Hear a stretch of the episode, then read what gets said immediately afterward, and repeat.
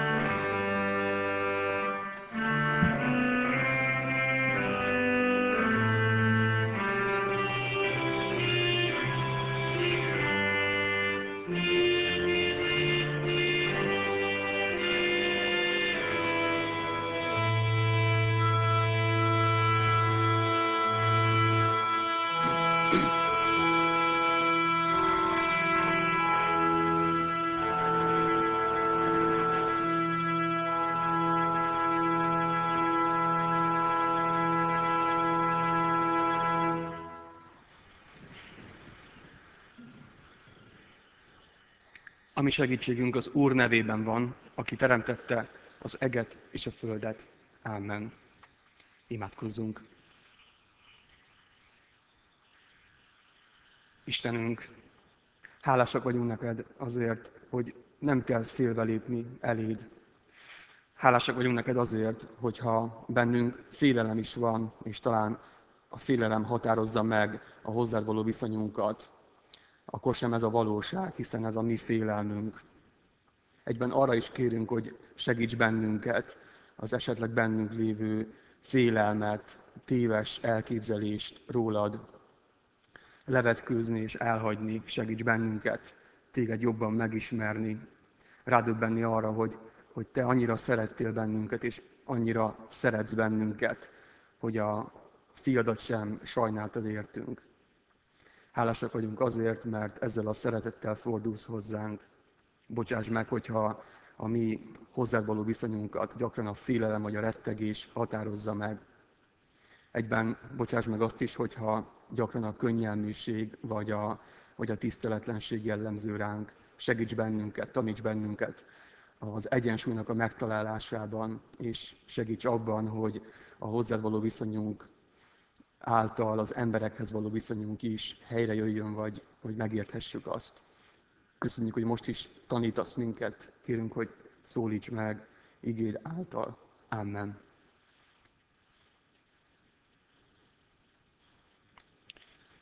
Tanítói, hitmélyítői Isten tiszteletünkön a soron következő KT kérdés, a 104-es kérdés felelet, ami az ötös parancsolatról szól. És így hangzik, mit kíván Isten az ötös parancsolatban? Azt, hogy atyám, anyám és minden fölöttesem iránt teljes tisztelettel, szeretettel és hűséggel viseltessem, és magamat mindennémű jó oktatásnak és büntetésüknek illő engedelmességgel alávessem. És még az ő fogyatkozásaikkal szemben is türelmes legyek, mivel Isten az ő kezük által akar igazgatni.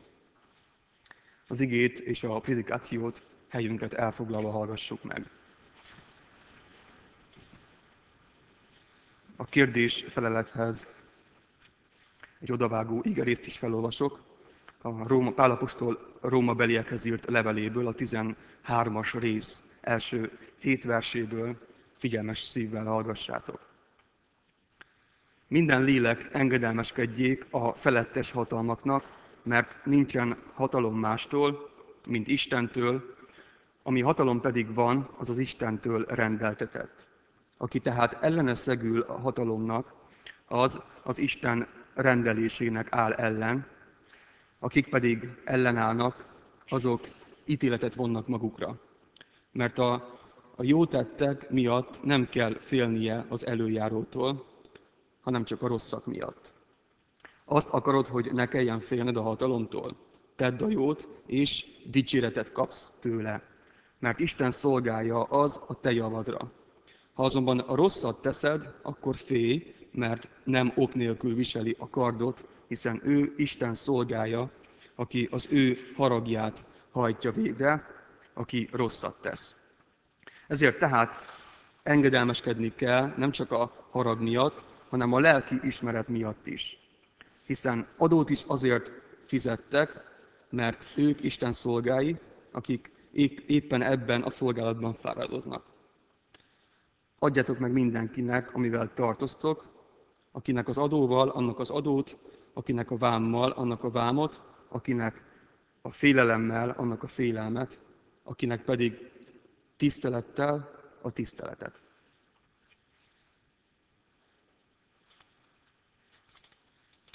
Nem egy egyszerű bibliai rész, amit felolvastam, és nem egyszerű az ötödik parancsolat sem, amiről a, a felolvasott KT kérdés felelet szól. Az ötös parancsolatot talán mindannyian ismerjük, de szívesen megkérdezném sorba, hogy uh, ki az, aki tudja, hogy melyik az ötös parancsolat. Gyanatszom, hogy mindenki tudná, viszont azt is gondolom, hogy az első felét tudnánk valószínűleg inkább. Tiszteld apádat és anyádat, így hangzik ez a parancsolat. De van ennek egy második fele is, okkal tiszteld, hogy hosszú ideig élj azon a földön, amelyet az Úr, a te Istened ad neked.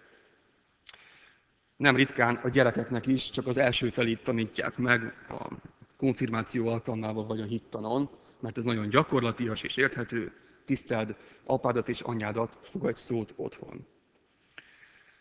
És talán emiatt is, a mi fejünkben is leginkább ez a, az első fele az, ami hangsúlyosan megragadt, és ez az, amit, amit számon tartunk, tisztelni kell a szülőket. És elfelejtjük azt a nagyon fontos második részt, ami igazán értelmet ad ennek a parancsolatnak. Hiszen az ad választ arra, hogy miért, miért tiszteld, miről szól ez a parancsolat. Az ötös parancsolat, ez a parancsolat annyira különleges a többi között, a tíz parancsolat között, hogy az egyetlen olyan parancsolat, amelyhez fűződik egy ígéret is. Nem csak egy parancsolat, hanem egy ígéret is van a parancsolatban. Tiszteld, hogy hosszú ideig élj a földön, amelyet az Úr ad neked. Miért tiszteld, hogy hosszú ideig élj a földön, amelyet Isten neked ad, az ígéret földjén? Okkal tiszteld. Tehát ezt a második részét is nagyon fontos belevenni a parancsolat értelmezésébe, hiszen így értjük meg a parancsolatot.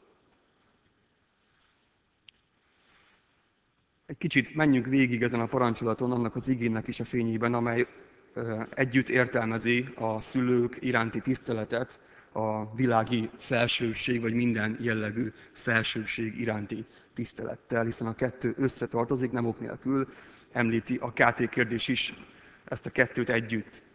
Mit tisztelünk a szülőkben, mit tisztelünk a feljebb valókba? Valószínűleg az európai történelem miatt is a tisztelet és a, a tekintély szó, illetve a fegyelem szó olyan szavak, amelyek, amelyektől a, az európai ember hátán végig szalad a hideg, hogyha meghallja. Alapvetően vala, valami miatt, nyilván történelmi, történelmi okai vannak, a fegyelem, a tisztelet és a, és a tekintély szavak olyan szavak, amelyeket nem szívesen hallunk és nem szívesen hozunk összefüggésbe magunkkal. Félünk ezektől a szavaktól. Nem véletlenül, hiszen talán a mi személyes életünkben is, vagy a családunk életében, a nemzetünk életében, Európa történetében, a nemrégi történetében is számos példa adódik arra, hogy miért, miért is félünk mi ettől. Nagyon sokan visszaéltek a, a tekintély, a rend, a, a tisztelet és a, és a fegyelem fogalmával. Mégis azt gondolom, hogy nem szabad ezekről a szavakról, ezekről a fogalmakról lemondani, mert olyan jelentős, jelentős üzenetet hordoznak magukban, amelyek fontosak az életünkhöz. Mit tisztelünk a szülőkben, itt rögtön, és a fejebb valóban, rögtön belemegyünk a kérdésnek a lényegébe, mert nem a puszta tisztelet, a puszta tekintély, vagy a puszta fegyelem az, ami a lényeges, amire nekünk szükségünk van. Okkal kell, hogy legyünk önfegyelemmel magunk iránt, okkal kell fegyelem a társadalomba, egy családba, és okkal adta Isten a tekintét. A szülők, vagy a, a konzervatív gondolkodás hajlamos ezt a parancsolatot úgy értelmezni, hogy csak az első fele az, ami lényeges. Tiszteld apádat és anyádat, és ebből is gyakran nagyon kihangsúlyozottan a tisztelet az, ami kiemelkedik. Tiszteld. És amikor talán visszakérdez a gyerek, vagy, vagy visszakérdez az állampolgár, hogy de miért, akkor ez a válasz hangzik csak, vagy azért mert. Nem magyarázzuk meg, holott Isten is magyarázatot fűzött ahhoz, hogy miért vár tőlünk tiszteletet. Mit tisztelünk a szülőkben, és mit tisztelünk a feljebb valókban? Talán ezen nem szoktunk elgondolkodni. Mind a szülő, mind a világi hatalom Isten képviselője. Az ember egyébként is Isten képviselője a világban, az a teremtés történetben nagyon szépen kikerekedik, de a szülő a gyerek életében vagy a család életében Isten képviselője. A világi hatalom is Isten képviselője. Gyakorlatilag mondhatjuk azt, hogy Isten keze és szája. És itt időzzünk el is egy kicsit, mert hogyha úgy értelmezzük, hogy ez a parancsolat a gyerekeknek szól, akkor amikor a lelkész most itt erről a parancsolatról beszél, akkor talán én arra gondolok, hogy ha megyek, akkor gyerekemnek elmondom, hogy miről volt szó, És mit mondott a lelkész bácsi? Ez a parancsolat nem csak a gyerekeknek szól, hanem elsőként a szülőknek, vagy a nagyobbaknak, mindazoknak, akikre mások rábizattak, kisebbek, vagy akik alattuk vannak, akik, akikért felelősséggel tartoznak. Kit is tisztelünk mi a szülőkben, vagy kit tisztelünk mi a fejebb valókban? Istent. És azért, nem azért, mert a kettő ugyanaz, hanem pontosan azért, mert a szülő és a fejebb való az emberek életében Isten képviselője. Talán még jobb szó erre a, a nagykövet. Egy nagykövet nem a saját véleményét, vagy nem a saját akaratát képviseli egy idegen országban, hanem a, az ő fejebb valója akaratát, a királya akaratát, az országa véleményét, a saját törvényeinek, az ország törvényeinek a, a véleményét képviseli az emberek között, nem a saját véleményét. És így szólít meg bennünket, mindannyiunkat, akikre lelkészeket és szülőket és mindenkit, aki fejebb való, ez, a, ez az ige, úgy, hogy vajon én mit képviselek az emberek életében. Mit képviselek a gyerekem életében, mit képviselek azok életében, akik rám vannak bízva. Mindig, amikor egy ilyen parancsolatról van szó, ahol, ahol valaki másra megszólított, de én engem használ Isten arra, hogy ez megvalósuljon, mindig előbb engem szólít meg az ige. Én vagyok az, akit először megtalál, és én vagyok az, akit, amikor ez az ige mérlegre helyez, akkor talán felismerem, hogy nem a megfelelő módon értelmeztem Istennek a parancsát. Engem kritizál az ige, mondhatjuk ezt. És ebből a kritikából születik meg egy másik viszonyulás, hogyha nem a szerint éltem a rám bizottakkal kapcsolatban. Ez olyan felelősség, amivel szerintem nagyon kevés szülő van tisztában. Hogy a tisztelet azért illeti meg őt, mert Isten képviselője a gyerek életében. Annak az Istennek a képviselője, aki önfeláldozó módon viszonyul az emberhez, az ő saját gyermekeihez, ezért tökéletes a mennyei atya. A másik kérdés az, hogy miért, miért tiszteljük a szülőket. Miért tiszteljük a, a feletteseinket, a fölöttünk állókat. Alapvetően nem csak a fiatalokban, de talán a fiatalokban még inkább, de az egész magyar társadalomra jellemző a, a tekintéllyel szembeni lázadás. Nem szívesen engedünk a 48-ból, és nem szeretjük, hogyha valaki más mondja meg nekünk, hogy mi mit csináljunk. Teljesen mindegy, hogy ez egy hivatalos tekintély személy, vagy bárki más, aki nekem tanácsot akar adni. Miért tiszteljük a szülőket, és miért tiszteljük azokat, akikre mi rá vagyunk bízva. Ez a parancsolat az, amelyikhez ígéret fűződik. Tiszteld, hogy hosszú ideig élj a földön, amelyet az Úr ad neked. Tehát azt jelenti, hogy célja és haszna van ennek a parancsolatnak. Nem is akármilyen célja és haszna. Isten Izrael népének ezt a parancsolatot, a tíz parancsolatot akkor adta, amikor Izrael népe elindult az ígéret földjére, ahol majd letelepedett, és ahol a saját országát megalapította, és az a tíz parancsolat lényegében nem más, mint Izrael alkotmánya. A középen van ez a parancsolat, és nagyon kifejező módon pontosan arra utal, hogy Isten a parancsolatok megtartásához köti azt, hogy azon a földön megmarad ez a nép. Tiszteld az atyádat és anyádat, hogy ezen a földön maradhass. No de mit tisztelj benne? Egy teológus barátom, egy, egy évfolyam társam nagyon jól megfogalmazta ennek a parancsolatnak az értelmét. Azt mondta, hogy tiszteld apád és anyád ajkán a törvényt, Isten törvényét. Tiszteld apád és anyád ajkán Isten törvényét.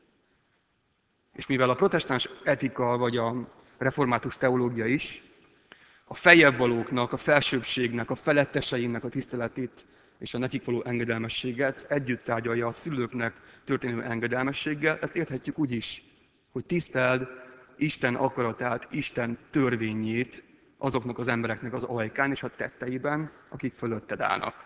Mert Isten rajtuk keresztül akar nevelni téged. Ezért fontos az, hogy hozzám, mint akire bizattak mások, elérkezik ez az üzenet, és engem helyez mérlegre. Engem is megszólít. És amikor kihagyjuk a levesből, kihagyjuk a történetből ezt a részt, akkor következik be az, hogy a világi hatalom, a világi felsőbség, vagy az egyházi hatalom és az egyházi felsőbség, vagy én, mint szülő, a gyerekem életében visszaélek a tekintélyemmel, a hatalmammal. Rossz eszközként használom a fegyelmet, megkövetelek valamit, amit, aminek a másik oldalát én nem teszem oda. Ezt mondja a Biblia, hogy ti apák ne ingerejétek a gyerekeiteket. Olyan mondatok is vannak itt, amelyeket nem szívesen idézünk mi, mi inkább férfiként azt idézzük szívesen, hogy az asszony engedelmeskedjen a férjének. De van ott egy másik oldal is, azt is mondja, hogy és ti férfiak, úgy szeressétek a feleségeteket, hogyan Krisztus szerette az egyházat, és életét adta érte. Ez a kettő így együtt, az egyensúly, és amikor mi a saját hasznunkra szeretnénk ezt kiforgatni, akkor történik az, hogy csak az egyik felét mondjuk el. Tisztelt, és pont. Engedelmeskedj, mert még Isten is ezt mondja. De Isten sokkal korrektebb, mint amilyenek mi szoktunk lenni általában. És végül még egy gondolat, hogy mindkét helyzetben benne vagyunk mi is. Mi is vagyunk azok, miután a gyerekkorból kiléptünk, akikre mások rábízattak, és egyben mi is benne vagyunk abban a szerepben, akik rá vagyunk bízva másokra. Legyen az egy hivatalos tekintélyszemély, vagy bárki, most például, amikor én itt prédikálok, és Isten igéjét közvetítem a gyülekezetnek, akkor gyakorlatilag a gyülekezet rám van bízva, nekem hatalmas felelősségem van abban, hogy Isten szavát közvetítsem a gyülekezetnek. Mind a két szerepben benne vagyunk, mi is valakire rá vagyunk bízva, és mi ránk is rá vannak bízva mások. A szülők vagyunk a gyerekeink, de mi is valakinek a gyerekei vagyunk. És ugyanígy számtalan kapcsolatban megnyilvánul ez. Tehát mindenkinek szól a parancsolat, mert én minden szerepben benne vagyok, így is, és úgy is szól nekem. És még azt, azt mindenképpen meg kell említeni, hogy, hogy eh, tekintét lehet követelni, tiszteletet lehet követelni, de valójában a tiszteletet az ember a saját példájával tanítja meg azoknak, akik ránéznek. Egy szülő követelheti a tiszteletet a gyerekétől, de valójában úgy tanítja meg a gyerekének a szülői tiszteletet, hogy ő tiszteli a saját szüleit. Onnan fogja a gyerek tudni, hogy mit jelent a szülő iránti tisztelet, hogy az ő, az ő édesanyja és édesapja hogyan viszonyul a saját szüleihez. Tragikus, amikor, amikor egy szülő pár egészen másként viszonyul a saját szüleihez, mint amit elvárna a saját gyerekétől. És a gyerek ezért úgy érzi, teljesen jogosan, hogy nem hiteles az, amit tőle vár az ő édes szülője. A hitelesség azt jelenti, hogy a tetteimmel közvetítem az Isten akaratát, nem csak a szavaimmal, nem csak azért, nem csak megkövetelem a tiszteletet, tiszteld, mert még a Biblia is ezt mondja, hanem magamra nézve elfogadom ezt a parancsolatot, és azt mondom, hogy előbb nekem szól, tisztelem én a szüleimet, tisztelem én a fejebb valóimat, és ezzel a mutatok példát azoknak, akik rám bízattak, adott esetben a gyerekeimnek, vagy azoknak a tanítványimnak számtalan eset lehet ebben, hogy hogyan, hogyan is kell ezt a tiszteletet a gyakorlatba átvinni. Én nagyon szeretem egyébként ezt a KT kérdést. A végén még ezt is megfogalmazza, és ez nagyon szíven talált engem akkor, amikor, amikor először megértettem ennek az üzenetét. Azt mondja, hogy és még az ő fogyatkozásaikkal szemben is türelmes legyek, mivel Isten az ő kezük által akar engem igazgatni. Hogy kitér arra is ez a KT kérdés, hogy az ember nem tökéletes. Akármennyire szeretnénk jól csinálni, hibákat követünk el, nem tudunk annyira hitelesek lenni, mint amennyire hitelesek szeretnénk lenni, követünk el hibákat. De ez nem ment fel engem az alól, hogy, hogy tiszteljem a másikban azt, amit ő Isten akaratából közvetít számomra. Ez azt jelenti, hogy nem a hiba keresése, és nem a kritika, és nem a hiányosságok keresése az, amely a helyes út, és nem helyes, hogyha a másikban hibát találva felmentést találok arra, hogy engedelmeskedjek Isten hozzám érkező akaratának. Talán azt a kritikát fogalmazzuk meg egy, egy lelkészsel szemben, vagy a fiatal a szüleivel szemben, vagy a tanáraival szemben, miért beszél ő, hiszen ő is ezt és ezt teszi, vagy így és így él, ezeket a hibákat követte el, ezért nem figyelek oda arra, amit mond nekem. De Jézus nagyon találóan fogalmazta meg a farizeusok kapcsán azt, hogy hogyan kell hozzájuk viszonyulni. Azt mondta, hogy amit tanítanak, azt tartsátok meg, de ne kövessétek a tetteiket. Lehet, hogy a tettekben hibákat követünk el, de azok, akikre rábízottunk, akiken keresztül Isten akarata érkezik hozzánk, azoknak oda kell figyelni arra, amit mondanak és ahogyan élnek. Természetesen Isten üzenete mindig hozzám érkezik, nem kell közvetítő, a lelkész sem közvetítő, a mi egyházunkban legalábbis semmiképpen sem.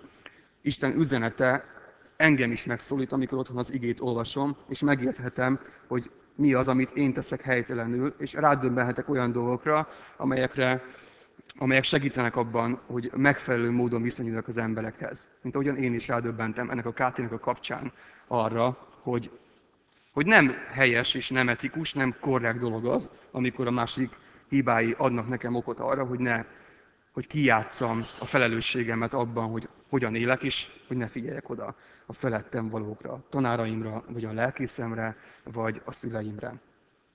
A tét gyakorlatilag nem más, mint az, hogy Isten uralma érvényesül-e az életünkben. És így lesz a kereszténység az, ami egy közösségi vallás, egy közösségi hit.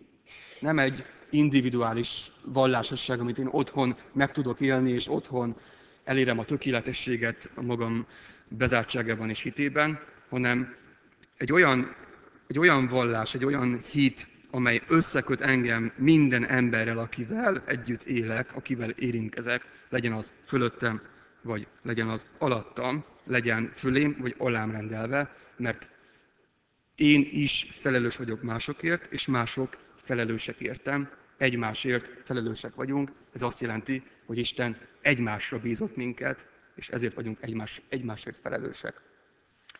Jöjjetek, imádkozzunk.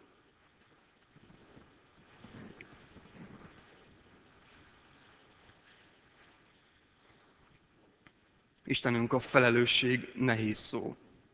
Nehezen vesszük magunkra a felelősséget másokért. Nehezen fogadjuk el, hogy nem csak te érzed magad felelősnek az emberért, hanem tőlünk is azt várod, hogy érezzük magunkat felelősnek másokért. Bocsáss meg, hogyha ez alól a felelősség alól nagyon gyakran kibújunk. Közben arra is kérünk, hogy segíts bennünket megtalálni a helyes egyensúlyt, akkor, amikor bizonyos esetekben pedig túlzó felelősséget vállalunk eh, emberekkel kapcsolatban. Segíts bennünket felismerni azokat a határokat, amelyeket te szabtál. Meghúzni a mi személyes határainkat a saját életünkben és a mások életére nézve. De ne engedd, hogy eközben elhárítsuk a felelősséget magunktól. Köszönjük, hogy te úgy találtad ki az emberi társadalmat, úgy találtad ki a családokat, hogy egymásra vagyunk bízva, és egyben egymásra is vagyunk utalva. Taníts bennünket alázatra, és türelemre, amiből nagyon sok kell, amikor emberekkel, emberekkel élünk együtt. Segíts bennünket az együtt élésben. És segíts bennünket abban, hogy miközben megharcoljuk az emberi kapcsolatokban történő életet, mi is előrébb léphetünk, és megérthetünk sok mindent magunkból. Segíts a fejlődésben, hogy előrébb léphessünk, hogy önmagunkat is, téged is jobban megismerhessünk azáltal, hogy a ránk bízottak, ránk bízottak miatt felelősséget érzünk. Köszönjük, hogy tanítasz, és köszönjük, hogy nem csak felszínesen érkezik hozzánk a Te üzeneted, hanem egészen mérehatóan.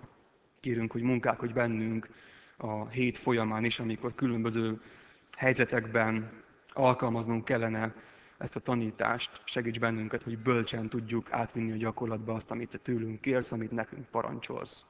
És végül köszönjük, hogy minden parancsolatod, ami hasznunkra válik, segíts bennünket, hogy megértsük, hogy mi a haszna annak, amit te parancsolsz nekünk, és ad, hogy így meg is tudjuk tartani azt. Köszönjük, hogy meghallgatsz. Ámen.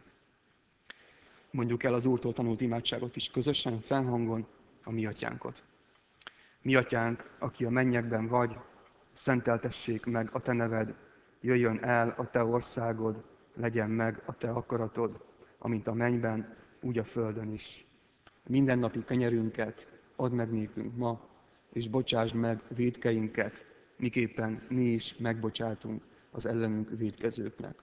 És ne vigy minket kísértésbe, de szabadíts meg a gonosztól, mert tiéd az ország, a hatalom és a dicsőség mindörökké. Amen. Legyen békesség falaidon belül, legyen boldogság palotáidban, testvéreimért és barátaimért mondom, békesség néked. Amen.